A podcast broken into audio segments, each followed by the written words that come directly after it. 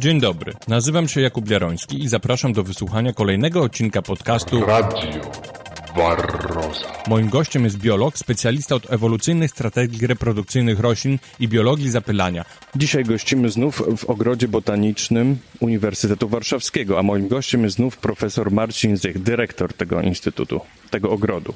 Tym razem nie jesteśmy w ogrodzie, znaczy jesteśmy w ogrodzie, ale w części zamkniętej, czyli w szklarniach. Panie profesorze, proszę coś powiedzieć o, o tych szklarniach, kiedy one powstały i tak w skrócie, jakie no, ciekawe rośliny możemy tutaj zobaczyć i e, nie wiem, i być może usłyszeć też. No, historia szklarni jest dość długa, tak naprawdę dłuższa niż historia ogrodu botanicznego, ponieważ pierwsze szklarnie, które ciągle, a przynajmniej jedna z nich dotrwała do czasów współczesnych, to pozostałość po y, łazienkach królewskich, które rozciągały się również w tej części w tej części miasta y, i czasach Stanisława Augusta y, Poniatowskiego, którego ogrodnicy uprawiali w tych szklarniach ananasy na królewski stół. Do dzisiejszych czasów dotrwała jedna taka szklarnia, akurat nie jesteśmy właśnie w tej szklarni, ale obok nas ta szklarnia stoi, nazywana jest Trephausem. W tej chwili e, jest ona miejscem, gdzie utrzymujemy kolekcję roślin e, sucholubnych, sukulentów, e, kserofitów, roślin z rodziny kaktusowatych na przykład.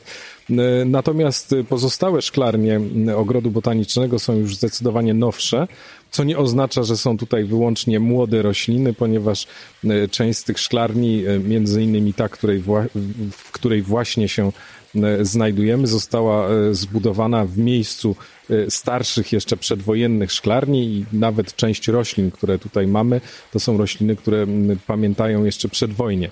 W tej chwili jesteśmy w tak zwanej szklarni tropikalnej, która głównie jest domem dla dużej kolekcji storczyków, roślin z rodziny bromeliowatych, ale także sagowców. Właśnie pod jednym z takich sagowców, dokładnie cykasem zawiniętym sobie siedzimy. Jak rozumiem, ten sagowiec, kiedy rośnie w naturze, nie w szklarni, to może być prawdopodobnie być większy, tak? E, no, ten okaz e, już ma kilkadziesiąt lat, więc jest całkiem okazały, ale oczywiście e, sagowce mogą dożywać dość długiego wieku. Zresztą w ogóle ewolucyjnie rzecz biorąc, to są bardzo stare rośliny, które na świecie pojawiły się już około 300 milionów lat temu, więc ta historia sagowców jest bardzo długa. Wszystkie te rośliny niestety w tej chwili już są bardzo rzadkie. Wszystkie są chronione, wszystkie są objęte między innymi przepisami konwencji waszyngtońskiej, co oznacza, że na przykład okazy z natury nie mogą znajdować się legalnie w handlu. A co do storczyków, to moi słuchacze pewnie pamiętają, że na, w ostatnim pierwszym odcinku omawialiśmy właśnie no, bardzo ciekawe koewolucyjne zależności pomiędzy zapylaczami a storczykami. Jak rozumiem, no, te storczyki w szklarni są troszeczkę smutne, bo nikt tutaj nie przylatuje, nie mogą przed nikim udawać samicy, tak? Trudno mi powiedzieć, czy są smutne, bo to nie są chyba uczucia, które rośliny e, jednakowoż odczuwają, wbrew niektórym opiniom. Natomiast niewątpliwie rzeczywiście mają tu kłopoty z zawiązywaniem nasion, choć e, nasi ogrodnicy starają się jak mogą i czasami zapylają ręcznie storczyki. Zresztą, e, jak ktoś z naszych słuchaczy pogrzebie w internecie, to na pewno znajdzie takie filmiki, które w ogrodowym YouTubie można, można obejrzeć, właśnie dotyczące zapylania szklarniowych storczyków. Oczywiście e, powiedzenie moje, że, że one są smutne było bardzo dużą przynośnią. Oczywiście zgadzam się. Dobrze, no to przejdźmy może do głównego tematu. Ostatnio powiedzieliśmy o ewolucji e, zapylania roślin mm, i skończyliśmy na wstępie do tego odcinka, czyli e, opowiedział Pan, ile jest pszczół Polsce i, i dlaczego niektóre są niezauważane albo mniej niezauważane przez ludzi, bo są na przykład małe, rzadkie lub są specjalistami i zapylają tylko jeden rodzaj kwiatu, a nie tak jak pszczoła miodna dużo. Więc mm, zadam takie pytanie, Dlaczego w ogóle interesujemy się zapylaczami? Ja rozumiem oczywiście zainteresowanie takie naukowe i badawcze, bo po prostu mm, interesujemy się historią świata, historią wszechświata, historią również jego częścią, czyli historią biologii i po prostu to jest interesujące, e, że doszło do takich e, koewolucyjnych zależności jak zapylanie, prawda? Natomiast dlaczego nas to jeszcze bardziej interesuje, szczególnie jako ludzi? No, z wielu powodów. Oczywiście pan tutaj przed chwilą wymienił powód e, e, badawczy, czyli ciekawość świata, e, ale z punktu widzenia takiego już bardziej pragmatycznego i związanego z chociażby naszym dobrostanem, to zapylacze są dość istotnym elementem decydującym na przykład o produkcji rolnej. To już taki bardzo przyziemny związek z żywnością powoduje, że zapylacze, które odpowiadają za mniej więcej jedną trzecią produkcji e, rolnej, może nie tyle one, co ich e, udział w przenoszeniu pyłku oczywiście e, roślin uprawnych, powodują, że jest to grupa, którą powinniśmy mieć na uwadze i o którą niewątpliwie powinniśmy dbać. Oczywiście możemy sobie wyobrażać, co by się stało, gdyby zapylaczy zabrakło. No I szczerze mówiąc, trudno tak naprawdę dobrze prognozować takie, takie scenariusze. No, wystarczy powiedzieć, że mniej więcej 75% roślin uprawnych to są rośliny, które w mniejszym bądź większym stopniu wymagają zapylaczy do plonowania. E, dlaczego taka różnica w tych liczbach? Bo powiedziałem, że jedna trzecia produkcji rolnej, a 75% gatunków i odmian.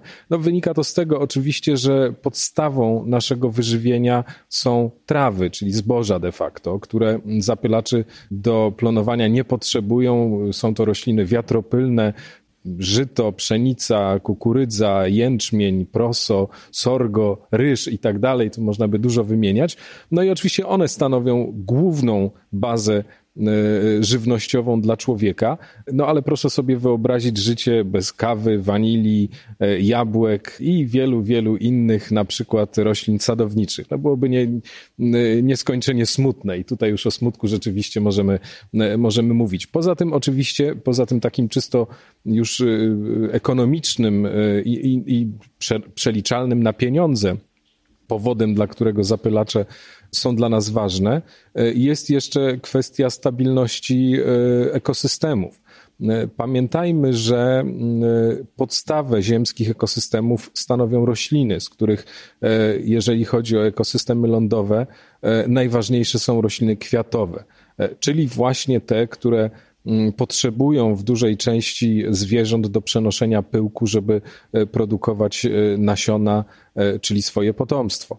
E, no, dość powiedzieć, że prawie 90% roślin, które e, na świecie w tej chwili występują, wymagają znowu w mniejszym bądź większym stopniu, bo to nie zawsze jest taki zero-jedynkowy proces e, zapylania przez, przez zwierzęta. Czyli no bez zapylaczy duża część roślin po prostu miałaby ogromne pro, problemy z reprodukcją. Jakby się to skończyło? No z całą pewnością nasze ziemskie krajobrazy wyglądałyby zupełnie inaczej. No, w tej chwili na przykład cieszymy się kolorowymi łąkami, kwitnącymi miedzami czy, czy lasami, w których y, kwiaty dzikie się pojawiają. Gdyby mm, zapylaczy zabrakło, zapewne część populacji roślin, która jest bardzo silnie związana y, z tymi zwierzętami, po prostu przestałaby istnieć. Jak ważne teraz są pszczoły jako klad, jako wszystkie gatunki na świecie i w Polsce, które należą do pszczół wśród tych wszystkich zapylaczy? No nie bez kozery mówi się o pszczołach jako o najważniejszych zapylaczach, y, bo jest to po prostu związane z ich biologią.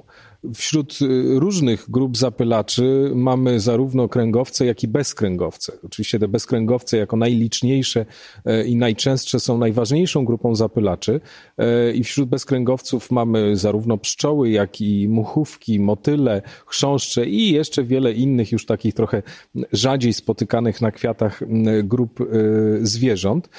Natomiast pszczoły niewątpliwie są tutaj mistrzami zapylania. To wynika z tego, że taka generalna generalny powód jest związany z tym, że zwierzęta te obligatoryjnie związane są z kwiatami, jeżeli chodzi o zdobywanie pokarmu. Muchówki na przykład, do których należą bzygi, ale także wiele innych rodzin tych zwierząt, e, zasadniczo można by określić jako takich kwiatowych oportunistów. E, to znaczy, jak się pojawi ciekawa grupa roślin w okolicy, która oferuje nektar bądź pyłek, to one przylatują do takich kwiatów i oczywiście mogą dokonywać bardzo efektywnie czasami zapylania. Natomiast e, osobniki dorosłe mogą się żywić również e, innym rodzajem pokarmu, no, chociażby sięgając do naszych talerzy czy też śmietników. Podobnie jest, podobnie jest na przykład z chrząszczami, ale już w przypadku pszczół, na każdym etapie życia mm, zwierzęta te są związane z kwiatami w sposób e, absolutnie zero-jedynkowy. Zarówno na e, etapie życia larwalnego, mm, w którym to momencie mm, e, czerwie odżywiane są pyłkiem przez robotnice czy przez matki, w zależności o jakim gatunku mówimy, tak y, również na etapie imago, czyli owada dorosłego, mm, zwierzęta te żywią się nektarem. W związku z tym kwiaty w ich życiu są po prostu niezbędne. E, no i oczywiście to oznacza, że odwiedzają ogromną liczbę roślin pokarmowych e, i właściwie nie ma dla nich opcji. No, rzecz jasna można sobie wyobrazić karmienie ich syropem cukrowym, prawda? No ale to jest już zupełnie e, inna historia i związana głównie z konkretnym gatunkiem, czyli z pszczołą miodną.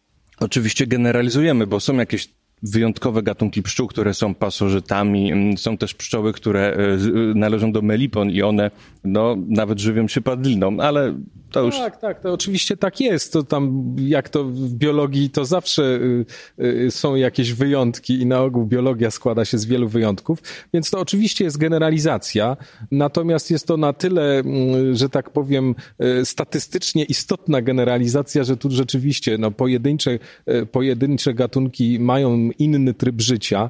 Istnieją takie grupy, które są określane jako pszczoły, które, które właśnie na przykład żywią swoje potomstwo padliną padliną, czy, czy czasami to nawet nie jest padlina, y, to mogą być po prostu y, porażone jadem zwierzęta, które stanowią miejsce wylęgania się ich larw i stanowią, ich ciało stanowi pożywienie dla larw. Natomiast generalnie rzecz biorąc, pszczoły są kwiatożerne, a raczej nektaro i pyłkożerne i to przez cały okres swojego życia. I stąd ich największa efektywność i, i, i stąd fakt, że są najważniejszymi zapylaczami. Wiele ostatnio w mediach, mm, w tym mediach popularno-naukowych, ale również sensacyjnych, mówi się o tym, że pszczoły wymierają. Czy jest to prawda? W jakim zakresie jest to prawda? A jeżeli tak, to które pszczoły? A może wszystkie? No tutaj oczywiście generalnie można by powiedzieć, że jest to prawda. Natomiast y, mówiąc o czymś takim jak wymieranie pszczół, y, ja bym bardzo wyraźnie oddzielił kwestie związane z zwierzętami, czy owadami w tym wypadku konkretnie hodowlanymi, takimi jak pszczoła miodna, od y, kwestii związanymi z y, dzikimi zapylaczami, czyli całą masą na przykład y, dzikich gatunków pszczół, które, które występują i w Polsce, i na całym świecie.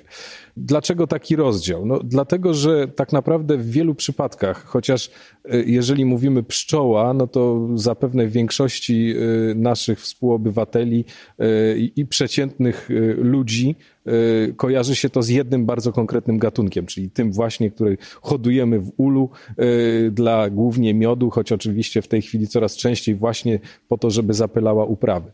Ten rozdział, y, w którym inaczej traktowałbym przede wszystkim pszczołę miodną, ale też, też inne zapylacze, wynika z tego, że no, w dużej mierze problemy pszczoły miodnej to są problemy natury hodowlanej.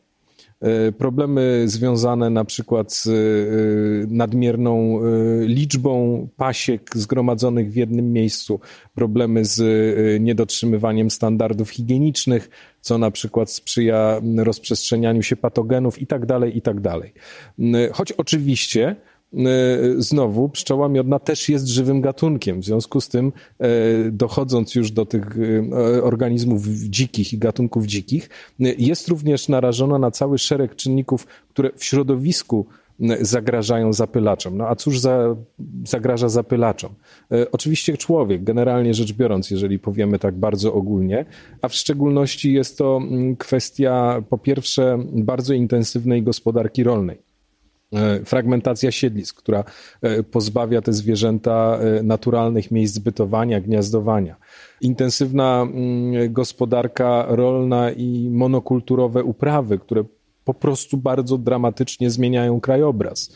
Oczywiście, tak jak już wcześniej powiedzieliśmy, wśród roślin, które uprawiamy, jest cała masa gatunków, które są dobrym źródłem pokarmu dla pszczół, dla pszczoły miodnej, ale także dla gatunków dzikich. No, zapewne większość z Państwa wie, że istnieje coś takiego jak miód rzepakowy, miód gryczany i tak dalej, i tak dalej. I to jest oczywiście prawda, tylko proszę sobie wyobrazić, że zwierzęta te żyją w krajobrazie nie przez krótki moment kwitnienia upraw, ale przez kilka miesięcy, a taka gryka czy też rzepak kwitną bardzo krótko. Zatem krajobraz, który jest pozbawiony dzikich gatunków roślin, E, które mogą być źródłem pożywienia, pożytku dla, e, dla pszczół, jest dla nich po prostu nieprzyjazny. No i oczywiście na końcu wymieniając już te takie antropogeniczne, e, rolnicze czynniki, należy powiedzieć o pestycydach, czyli chemii rolnej generalnie rzecz biorąc.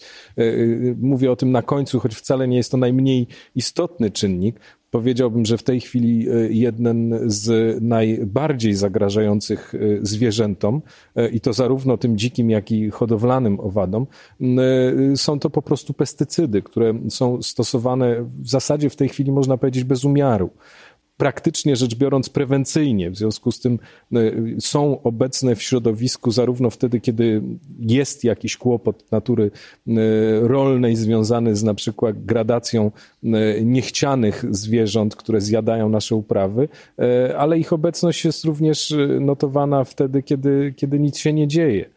Co więcej, od jakiegoś czasu, od mniej więcej dekady, E, nastąpiła wyraźna zmiana, jeżeli chodzi o rodzaj pestycydów, które są obecne w środowisku, ponieważ pojawiły się e, nowe związki chemiczne, między innymi na przykład z grupy tak zwanych neonikotynoidów, które stanowią tak zwane, e, tak zwane pestycydy systemowe. Czym to się różni od tych, można by powiedzieć, analogowych czy tradycyjnych pestycydów? Tym, że są one wprowadzane do organizmu rośliny te starszych generacji pestycydy wprowadzano do środowiska stosując różnego rodzaju, głównie opryski. No i oczywiście były one niebezpieczne i eliminowały różne zwierzęta, nie tylko te niechciane, w tym momencie, kiedy następował kontakt z takim pestycydem. Natomiast większość pestycydów systemowych wprowadzana jest już na etapie wysiewu, bardzo często po prostu zaprawia się materiał siewny e, i roślina e, rosnąc po prostu przyjmuje te związki poprzez korzenie. E, czasami można to robić spryskując rośliny. W każdym bądź razie taki pestycyd w sposób stały jest w organizmie rośliny można by powiedzieć, no ale to lepiej, bo przecież w związku z tym e, będzie działał tylko i wyłącznie na takie zwierzęta, które zjadają rośliny, prawda? Czyli wydawać by się mogło, że jest to zdecydowanie korzystniejsze rozwiązanie, bo pomaga chronić te zwierzęta, które są neutralne albo dla nas pożyteczne. No okazuje się, że niekoniecznie, ponieważ częściami roślin, czy produktami roślinnymi, w którymi neonikotynoidy właśnie te pestycydy systemowe się stwierdza, jest również e, pyłek i nektar, czyli te kluczowe dla dobrostanu pszczół na przykład e, substancje, które pobierają e, te zwierzęta z, z roślin. Oczywiście nie są to ilości, które powodowałyby jakieś ostre zatrucia. No, zwykle kojarzymy zatrucie z czymś takim, co się dzieje nagle e, i eliminuje pewną część populacji. Po prostu jakaś grupa osobników ginie. W przypadku pestycydów systemowych, które obecne są w nektarze i w pyłku, dochodzi zwykle do takiego chronicznego podtruwania. E, to oczywiście nie eliminuje od razu e, naszych bohaterek ze środowiska, ale powoduje bardzo wyraźne obniżenie ich kondycji. E, i to kondycji często e, rozumianej jako całe populacje. E, jak to się może objawiać? No jest cała masa już w tej chwili badań dotyczących na przykład chociażby trzmieli, które, które są też socjalnymi pszczołami i które wyraźnie pokazują, że to pogorszenie kondycji jest związane na przykład z mniejszą liczbą robotnic, które pojawiają się w takich rodzinach, z mniejszą liczbą młodych samic, które wylatują a które będą odpowiadały za stan populacji w kolejnych latach. E, wreszcie z upośledzeniem e, możliwości żerowania. Wiadomo, że no, nikotynoidy działają przede wszystkim na układ nerwowy owadów i Tutaj znowu dochodzimy do pszczoły miodnej e, i do zapewne e, syndromu, o którym wiele z naszych słuchaczy słyszało, czyli tak zwanego CCD, czy Colony Collapse Disorder, czy, czy też nagłego wymierania rojów, no różne nazwy się pojawiają, który to właśnie między innymi, bo to nie jest taki syndrom, który jest wyłącznie związany z, z pestycydami, ale którego że tak powiem, zwiększającym się, zwiększającej się częstości pestycydy mają swój udział. Ten, ten, ten y, związek polega na tym, że podtruwane chronicznie zwierzęta po prostu zdecydowanie tracą orientację, y, mają trudności z y, powrotami do gniazda czy też do ula. E, no i oczywiście no, po pewnym czasie kończy się tą także ich śmiercią. E, co więcej, to, to jest dość ciekawe, ponieważ są badania, które wyraźnie również wskazują, że taki chroniczny stan podtrucia zdecydowanie upośledza ich efektywność, jeżeli chodzi o zapylanie roślin.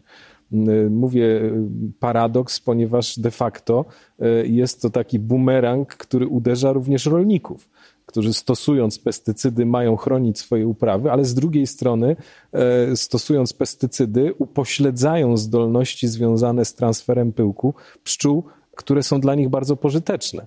E, no bo wyobraźmy sobie, że jesteśmy sadownikiem, który e, potrzebuje tych zwierząt i to absolutnie w sposób niezbędny do tego, żeby zapylały wczesnowiosenne kwiaty jabłoni, gruszy czy jakichkolwiek innych kwitnących wiosną y, upraw sadowniczych, no i stosuje też jednocześnie neonikotynoidy, y, to oznacza, że y, po prostu eliminuje część zwierząt, które są po prostu źródłem jego sukcesu jako, jako producenta żywności.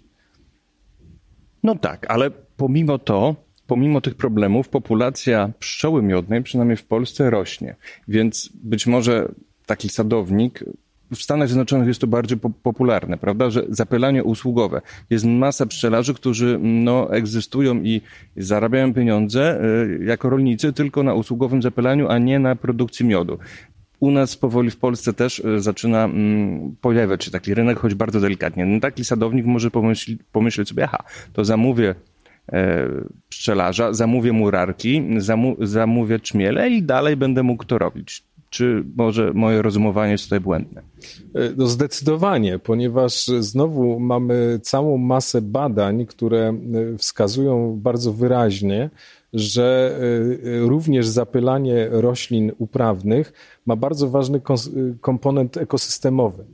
I różnorodność zapylaczy ma tutaj bardzo wyraźne przełożenie na planowanie.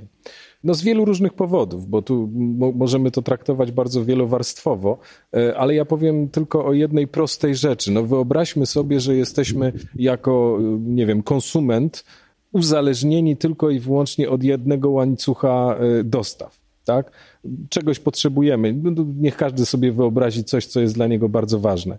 No i jeżeli mamy tylko jednego dostawcę, to jeżeli temu dostawcy się cokolwiek zdarzy, e, cokolwiek stanie, to ten łańcuch staje. E, I dokładnie tak samo działa to w przyrodzie. Wyobraźmy sobie, że e, jako producenci żywności uzależniamy się tylko i wyłącznie od jednego, e, na dodatek hodowlanego gatunku zapylacza. Zapylacza, który też ma swoje ograniczenia. No, pszczelarze, który, którzy zapewne wiedzą bardzo dużo o pszczołach, wiedzą też doskonale, że jest to gatunek, który na przykład bardzo niechętnie oblatuje rośliny, kiedy temperatura jest zbyt niska prawda? 15 stopni to to jest bardzo sympatycznie dla pszczoły, e, natomiast już plus 5 niekoniecznie, prawda? E, no i, i, to jest dokładnie taki system. Tu akurat sadownicy są bardzo dobrym, e, bardzo dobrym przykładem, ponieważ de facto w bardzo wielu przypadkach, szczególnie tych wcześniej kwitnących roślin sadowniczych typu śliwy na przykład, to wcale nie pszczoła miodna jest ich zapylaczem, tylko właśnie głównie trzmiele albo samotne, samotne pszczoły, dzikie gatunki, e, które są zdecydowanie bardziej, bardziej wytrzymałe, jeżeli chodzi o warunki, o warunki temperaturowe które potrafią oblatywać kwiaty naprawdę no, w, w temperaturach czasami bliskich zera. Ja sam obserwowałem E, chociażby u nas w ogrodzie botanicznym, w zamieci śnieżnej, e, która w kwietniu się czasami zdarza, e, oblatujące kwiaty trzmiele i ani jednej pszczoły miodnej, która sobie siedziała wtedy w ulu i grzecznie czekała na lepszą pogodę. Poza tym no, jest cała masa badań, które pokazują znowu, że ten kontekst ekosystemowy jest ważny, no bo zwróćmy uwagę na jedną prostą rzecz – to wcale nie jest takie proste. Tutaj bardzo słusznie Pan zwrócił uwagę, że ten kontekst usług związanych z zapylaniem za chwilę może się stać dużo ważniejszym źródłem chociażby dochodów y, pszczelarzy niż sam miód, który oczywiście no, jest takim trochę przy, przy okazji produktem, który wykorzystujemy, ale jeżeli weźmiemy y, pod uwagę mm, wkład pszczół wszystkich, w tym oczywiście pszczoły miodnej, e, w produkcję żywności, to ten miód tak naprawdę jest zaniedbywalny kompletnie. W tej chwili, chociażby w Polsce, czy w wielu miejscach w Europie, e, dzieje się to na zasadzie darmowej usługi. E, pszczelarz przywozi swoje rodziny, gdzieś tam je stawia, pszczoły zbierają pożytek, natomiast rolnik, który w okolicy ma pola, ma zapylony rzepak, czy, czy właśnie chociażby uprawy sadownicze. E, natomiast oczywiście w przypadku sytuacji, w której tych pszczół będzie mniej, no to nagle okaże się, że pszczelarze każą sobie za to płacić i to wcale nie mało. Co już się dzieje na przykład w Stanach Zjednoczonych, gdzie wyraźnie widać, że te usługi związane z e, zapylaniem upraw są dużo ważniejsze, jeżeli chodzi o przykład pszczelarzy, niejednokrotnie niż, niż produkcja miodu. E, ale wracając do tych dzikich zapylaczy, to oczywiście e, jest e, tak, że im więcej mamy różnorodnych gatunków, tym efektywność liczona, że tak powiem, jednostkowo jest większa. Są takie badania, które pokazują to na przykładzie różnych upraw w skali właśnie lokalnej albo regionalnej. To, co lokalnie jest wystarczające do w miarę przyzwoitego planowania, ma się e, nijak właściwie do tego, co jest potrzebne w skali regionalnej, ponieważ nawet jeżeli przywieziemy nasze zapylacze, to one operują wyłącznie lokalnie. Prawda? Każdy pszczelarz doskonale wie, że pszczoła przy zdrowych zmysłach, oczywiście tutaj żartobliwie to mówiąc, nie będzie latać daleko po pożytek. E, no oczywiście ona jest w stanie przelecieć nawet kilka kilometrów, jak jest w absolutnej desperacji, natomiast generalnie żerowanie odbywa się w promieniu zwykle nie większym niż mniej więcej kilometr od, e, od rodziny. E, I bardzo podobnie jest w przypadku gatunków dzikich. Więc taka saturacja zapylaczami krajobrazu jest tutaj kluczowa dla stabilności całego systemu no bo nie jesteśmy w stanie rozstawić rodzin pszczelich co kilometr, prawda? Poza tym, znowu, jeżeli przekroczymy pewne e, bezpieczne e, zagęszczenia, to nagle okaże się, że pojawiający się nowy wirus czy jakikolwiek pasożyt, e, który będzie, który będzie niebezpieczny dla pszczoły miodnej, w sposób no, dramatycznie szybki zdziesiątkuje te, te, te populacje, prawda? Więc tutaj wracam do tego, e, do tego e, monopolu, który ewentualnie mielibyśmy e, udzielić pszczole miodnej, prawda?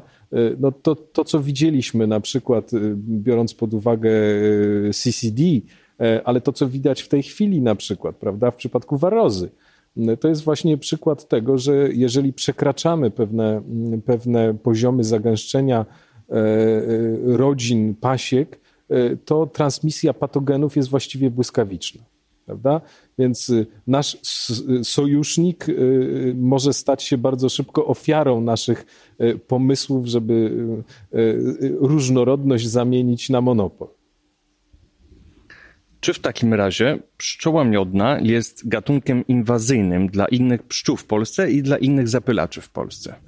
To wszystko zależy od tego, jak sobie zdefiniujemy, co to znaczy gatunek inwazyjny. E, na pewno, powiedziałbym tak, nie jest ona gatunkiem obojętnym dla e, innych zapylaczy. Znowu istnieje cała e, masa już w tej chwili, cały szereg badań z różnych rejonów świata, które bardzo wyraźnie pokazują negatywne aspekty hodowli pszczoły miodnej. One mogą mieć wiele poziomów. No jeżeli wyobrazimy sobie, znowu no tutaj uderzam do wyobraźni naszych słuchaczy, że mieszkamy sobie w jakimś miejscu, gdzie utrzymujemy się na przykład ze zbieractwa i łowiectwa, no może trochę to trudno sobie wyobrazić, bo to jakieś 10 tysięcy lat temu tak żeśmy działali, no ale spróbujmy taki eksperyment myślowy wykonać. I teraz w nasze bliskie sąsiedztwo przyprowadza się, przeprowadza się lud, który jest wielokrotnie liczniejszy niż my. No, więc odpowiedzmy sobie na to pytanie, czy będzie nam lepiej, czy będzie nam gorzej. No, będzie nam gorzej, to jest właściwie oczywiste, prawda?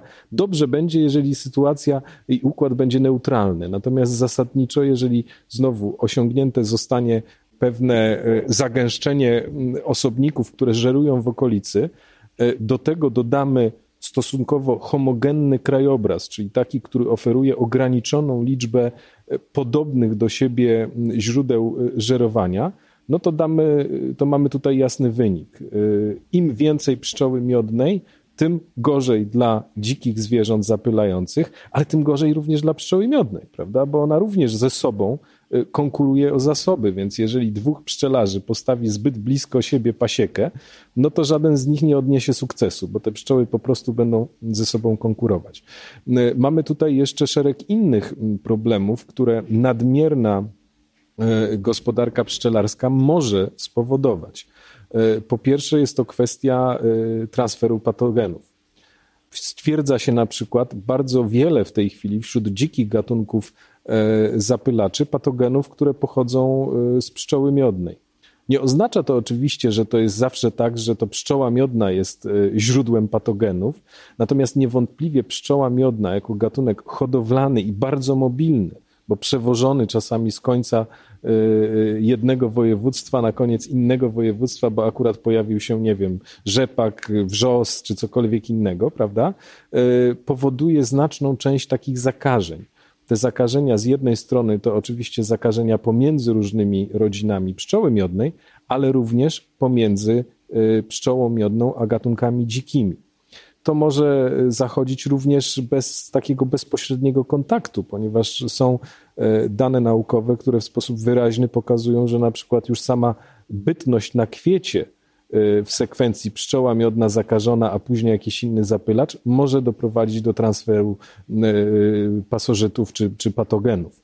E, poza tym, tutaj już mówię bardziej o takich sytuacjach, które są pozaeuropejskie i może pozaafrykańskie. Mamy też takie, takie niebezpieczeństwa, że pszczoła miodna, która ewoluowała w zupełnie innych krajobrazach, niż na przykład Nowa Zelandia czy y, Australia, gdzie oczywiście y, pasieki również istnieją, y, będzie preferowała gatunki, które są nierodzime w danym miejscu.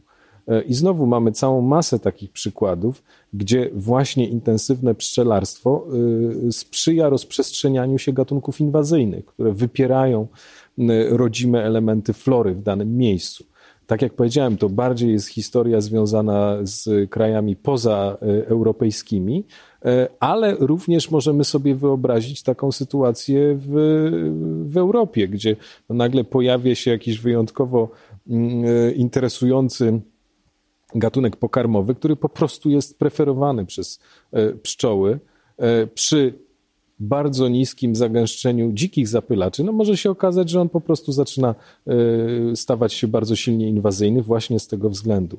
Tutaj, tutaj zresztą nie bez znaczenia są same działania e, pszczelarzy, e, bo bardzo często oni celowo wprowadzają pewne gatunki, które są bardzo dobrymi gatunkami pokarmowymi, ale wyłącznie dla pszczoły miodnej. To znaczy, one mogą być dobrymi gatunkami pokarmowymi dla innych pszczołowatych, tylko w kontekście ekosystemowym de facto tym innym dzikim pszczołom szkodzą. E, przykładem, żeby tutaj nie być gołosłownym, jest nawłoć, e, którą bardzo wielu pszczelarzy lubi, bo to jest dobry, późny pożytek, e, który gwarantuje, że jeszcze we wrześniu, a czasami nawet później pszczoły mają gdzie wylecieć. Natomiast to jest roślina, która bardzo szybko dominuje y, zbiorowiska, w których, do których zostanie wprowadzona. Y, I w takiej sytuacji taka, taka zdominowana przez nawłoć okolica jest właściwie nieprzyjazna dla innych zapylaczy, ponieważ przez większą część roku ona nie oferuje żadnego pożytku. Pszczelarz może pszczoły wywieźć, prawda, i zawieźć je tam, gdzie kwitnie, nie wiem, robinia czy cokolwiek innego, też notabene inwazyjny gatunek. Natomiast te lokalnie występujące dzikie pszczoły się nigdzie nie przeniosą. Więc, więc tutaj tych, tych powodów, dla których powinniśmy uważać e, z hodowlą pszczoły miodnej jest bardzo wiele. Jeszcze taka rzecz w kontekście tego mnie zainteresowała z Pana artykułów naukowych. Mianowicie mm, zauważył Pan, y, że pszczoła miodna jest nie dość, że jest generalistką, chociaż inne, oczywiście to nie tylko tak, że pszczoła miodna nią jest, ale także y, zbiera duże ilości pyłku, który jest nieprzydatny później roślinie. Jak już wiemy z pierwszego odcinka, właściwie to jest mm, interakcja biznesowa, korzyści, czyli w tym wypadku można by powiedzieć, że pszczoła miodna jakby ewolucyjnie, no, osiągnęła jakąś taką przewagę nad niektórymi roślinami i może mieć to wpływ na inne zapylacze, tak?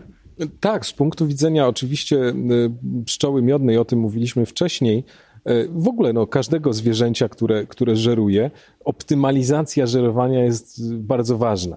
E, chodzi o to, żeby w jak naj powiedziałbym, e, mniejszej jednostce czasu osiągnąć jak największy sukces, prawda? Mierzony chociażby e, liczbą ziaren pyłku, który, który uda się e, zebrać.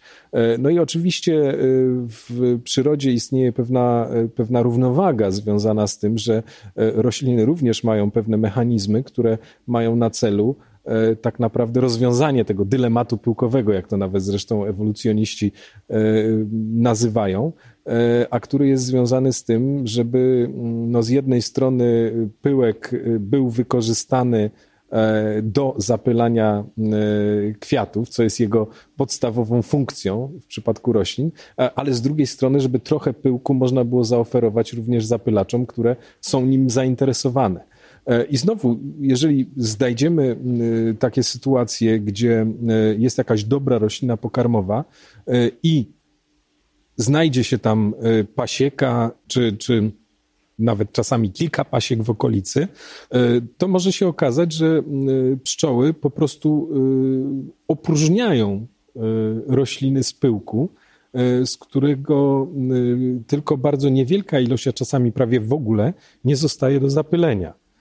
Taka sytuacja przez nas na przykład była obserwowana, zresztą wielokrotnie robiliśmy E, obserwacje e, zapyla, zapylaczy i, i, różnego rodzaju eksperymenty związane właśnie z efektywnością zapylania e, w różnych roślin i zdarzało nam się pracować na przykład w pobliżu pasiek.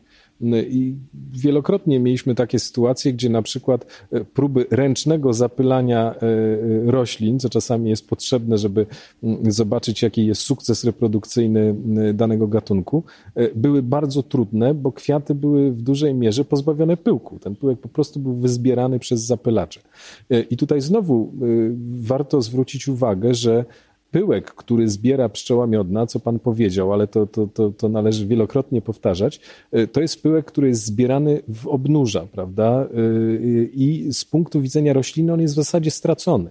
To nie jest pyłek, który jest później źródłem zapylenia kwiatów pyłek, który przypadkiem znajdzie się gdzieś na ciele zwierzęcia i może być przetransferowany pyłek na, na znamie słupka, to jest rzeczywiście ten, ta frakcja pyłku, która dla rośliny jest najbardziej istotna. Natomiast przy swojej naprawdę bardzo dużej efektywności w zbieraniu pyłku, a na, następnie czyszczeniu się, w czyszczeniu się z tego pyłku e, i przy dużej liczbie osobników, które żerują e, w pobliżu, pszczoła miodna jest rzeczywiście takim, powiedziałbym, konsumentem pyłku, E, ale e, efektywnie niespecjalnie dobrym zapylaczem.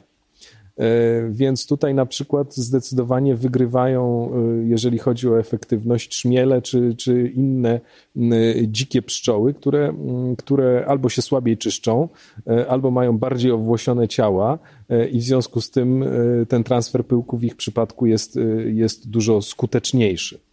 Więc tutaj, tutaj mamy takie sytuacje. Też y, proszę zwrócić uwagę na jeszcze jedną rzecz, o której trochę mówiliśmy, a mianowicie o tak zwanej wierności kwiatowej, prawda, czy stałości kwiatowej, różnie się to określa. E, o której rzecz jasna pszczelarze świetnie wiedzą, bo, bo z tego powodu mamy, e, nie wiem, miód lipowy, wrzosowy czy jakieś tam inne, prawda? To jest taka sytuacja, w której no, przeważająca ilość pożytku to jest pożytek zbierany z jednego konkretnego gatunku. To oczywiście znowu wynika z optymalizacji żerowania, bo pszczola, pszczoła, która nie jest specjalnie znowu kolokwialnie mówiąc, mózgowcem, e, nie jest w stanie zapamiętać zbyt wielu wzorów kwiatowych. W związku z tym, jeżeli pojawia się jakieś źródło pokarmu, które jest bardzo dobre, to pszczoła szybko przełącza się na takie, e, na takie gatunki e, i eksploatuje je do momentu, kiedy to jest opłacalne, prawda? Ignorując w zasadzie inne gatunki w okolicy albo bardzo rzadko tylko do nich się odnosząc. W przypadku, w przypadku bardzo wielu roślin, oznacza to w zasadzie e, kłopot z zapylaniem. Bo jeżeli populacje są stosunkowo nieliczne i takich roślin, to one przestają być interesujące dla pszczoły miodnej. W związku z tym brak dzikich zapylaczy e, oznacza, że taka roślina znowu może mieć kłopoty z reprodukcją. Więc ja nie chciałbym tutaj zabrzmieć jako wróg pszczelarstwa, natomiast po prostu jest to, no, no, trzeba stosować pewne rozsądne kompromisy pomiędzy naszą chęcią e, hodowli pszczoły, produkcji miodu, ale również e, tego, co potrzebne przyrodzie, ale również samym uprawom. Jest to podcast e, popularno-naukowy, więc po prostu rozmawiamy o pewnych faktach, które można zaobserwować. Co dalej z tymi faktami zrobić, to inna sprawa i dlatego zadaję to pytanie. Jakie w związku z tym ma Pan propozycje roz, rozwoju ochrony zapylaczy, który można by ewentualnie pogodzić z pszczelarstwem?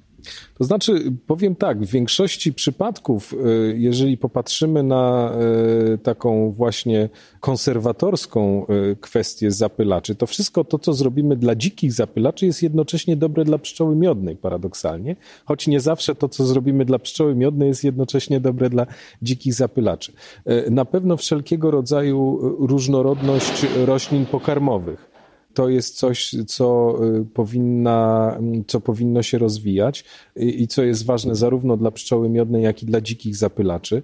Na pewno dbałość o, y, powiem tak, czystość środowiska czyli właśnie umiarkowanie w mm, stosowaniu pestycydów, umiarkowanie w mm, wprowadzaniu jakichś takich wieloobszarowych y, kultur rolnych. No, taka, powiedziałbym, bardziej ekologiczna gospodarka rolna to jest wszystko to, co sprzyja, y, sprzyja wszystkim zapylaczom. E, ale oczywiście odnosząc się do y, dzikich gatunków, też trzeba mieć na uwagę, że takie y, przepszczelenie, jak to, jak to uroczo nazywają pszczelarze, jest niekorzystne dla tych dzikich zwierząt i w związku z tym na przykład ja uważam, że pewne, pewne, pewne mm, obiekty chronione powinno się e, traktować jako obiekty na przykład zamknięte dla pszczelarstwa.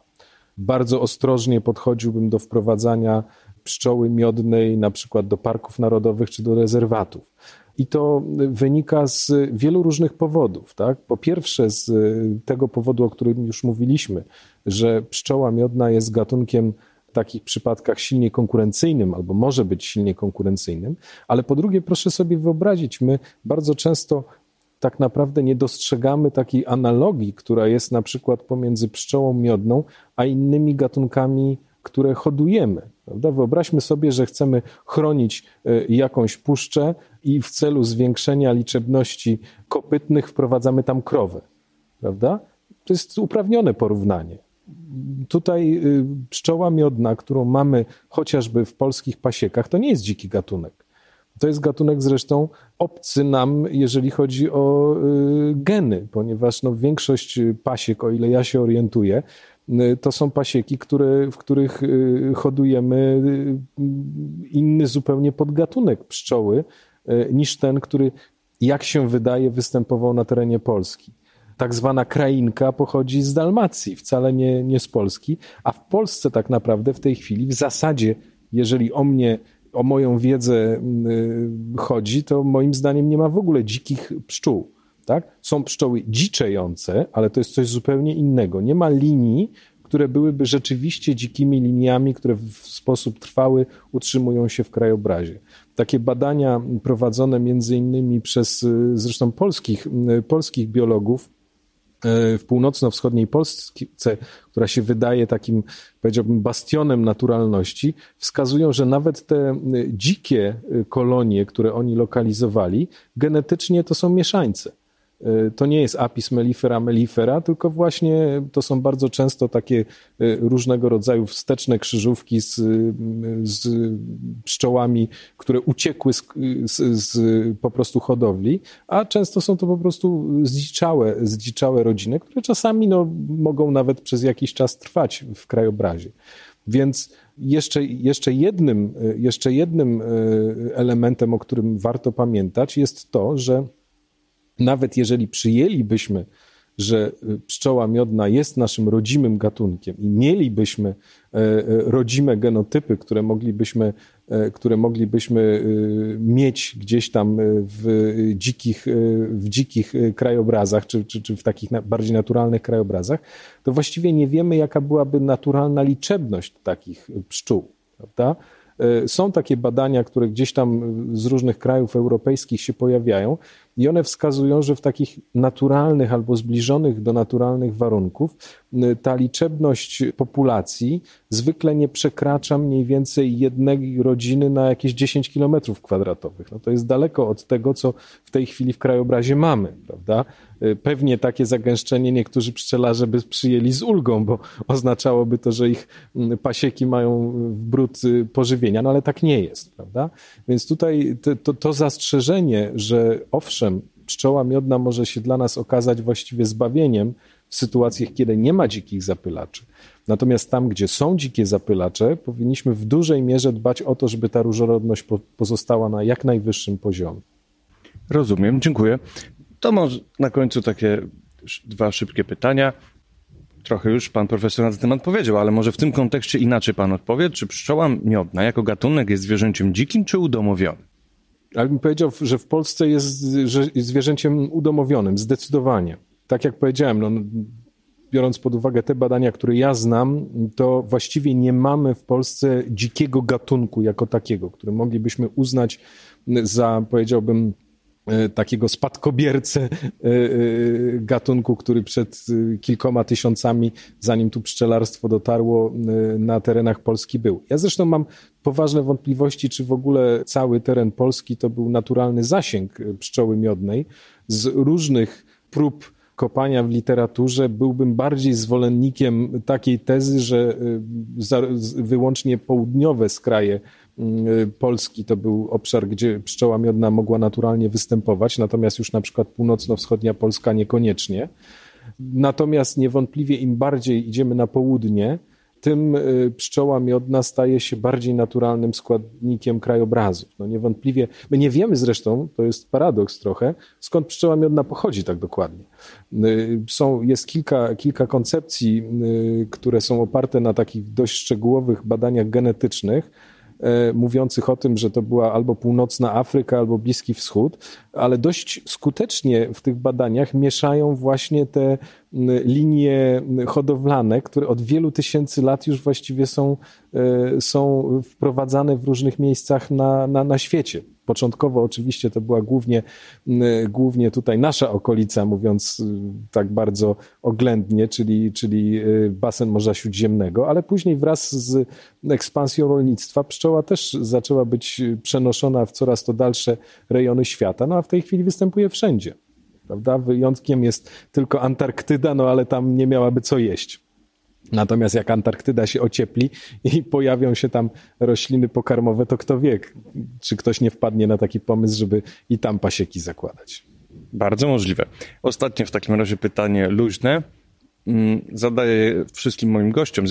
Jest ono mm, z dziedziny nieco filozofii przyrody, czy dręcz pszczeli, łacińska nazwa Varroa destructor, ale specjalnie dla pana profesora utrudnię też i powiem nawłoć późna i nawłoć kanadyjska mogą być dla pana organi pięknymi organizmami godnymi podziwu. Tak, to, to są piękne organizmy, bo y, są niezwykle skuteczne. Tak? To wszystko oczywiście zależy, jak to piękno, jak to piękno mierzymy. Natomiast biorąc pod uwagę ewolucję, to sukcesem jest jak największa ekspansja swoich własnych genów, prawda? Multiplikacja swoich genów, więc strategie, które przyjął Y, przyjęła Varroa czy, czy, czy, czy Nawłoć, no to są bardzo dobre strategie, które w danym momencie, w tej chwili się świetnie sprawdzają. I po prostu nie liczą się z człowiekiem ewentualnie. No tutaj człowiek też się z przyrodą niespecjalnie liczy, w związku z tym y, oczywiście jest to, y, jest to taki miecz obosieczny, prawda? Natomiast niewątpliwie y, jest coś niezwykłego w pasożytach chociażby, czy właśnie w takich roślinach inwazyjnych, y, ponieważ są to przykłady gatunków, które po prostu świetnie wykorzystują y, okoliczności przyrodnicze, w których przyszło im żyć. Zresztą no, chyba człowieka z punktu widzenia ekologii ewolucyjnej moglibyśmy nazwać gatunkiem inwazyjnym. No to nawet z całą pewnością możemy tak powiedzieć, patrząc na naszą historię e, ewolucyjną, historię migracji i to, jak najprawdopodobniej, mówiąc brzydko, wykańczaliśmy również swoich własnych bliskich krewnych. Mówię tu chociażby o Neandertalczyku, a być może i paru innych gatunkach hominidów. Dziękuję panie profesorze za spotkanie w tych jakże fajnych okolicznościach. Chciałem powiedzieć przyrody, można tak powiedzieć. No, jest to rodzaj ekosystemu zamkniętego tutaj, tak? O ekosystemie może bym nie powiedział, ale okoliczności przyrody są na tyle pojemnym określeniem, że niech tak zostanie. Dziękuję bardzo. Rozmawialiśmy ze szklarni Ogrodu Botanicznego Uniwersytetu Warszawskiego z dyrektorem mm, tego ogrodu, profesorem Marcinem Zychem. Dziękuję za wysłuchanie tego odcinka. Zajrzyj na stronę www.waroza.pl. Tam, poza opisami i ilustracjami odcinków podcastu, artykułami i wpisami na bloga, znajdziesz przydatne linki do słuchania i subskrypcji podcastu w aplikacjach strumieniowych. Jeżeli spodobał się Tobie ten odcinek, to proszę, wystaw pozytywną opinię i komentarz, polub, daj łapkę w górę czy suba, a nawet udostępnij go w mediach społecznościowych. Dzięki temu dowiedzą się o nim inni, ale mi też dasz większą motywację, aby podcast trwał i rozwijał się dalej podziękowaniu możesz postawić mi dobrą kawę, piwo lub czekoladę. Jeżeli podoba się Tobie ten podcast generalnie i chcesz przyczynić się do jego regularnego rozwoju, możesz wspierać mnie comiesięczną małą wpłatą, na przykład przez portal Patronite, ale nie tylko. Jeżeli nie chcesz być wymieniona lub wymieniony w podziękowaniu, to zaznacz opcję anonimowo. Linki do konta wpłat oraz wsparcia znajdują się po prawej na stronie www.waroza.pl. Tak czy owak, podcast zawsze dla wszystkich pozostanie darmowy. Wkrótce następny odcinek. Radio Barroza.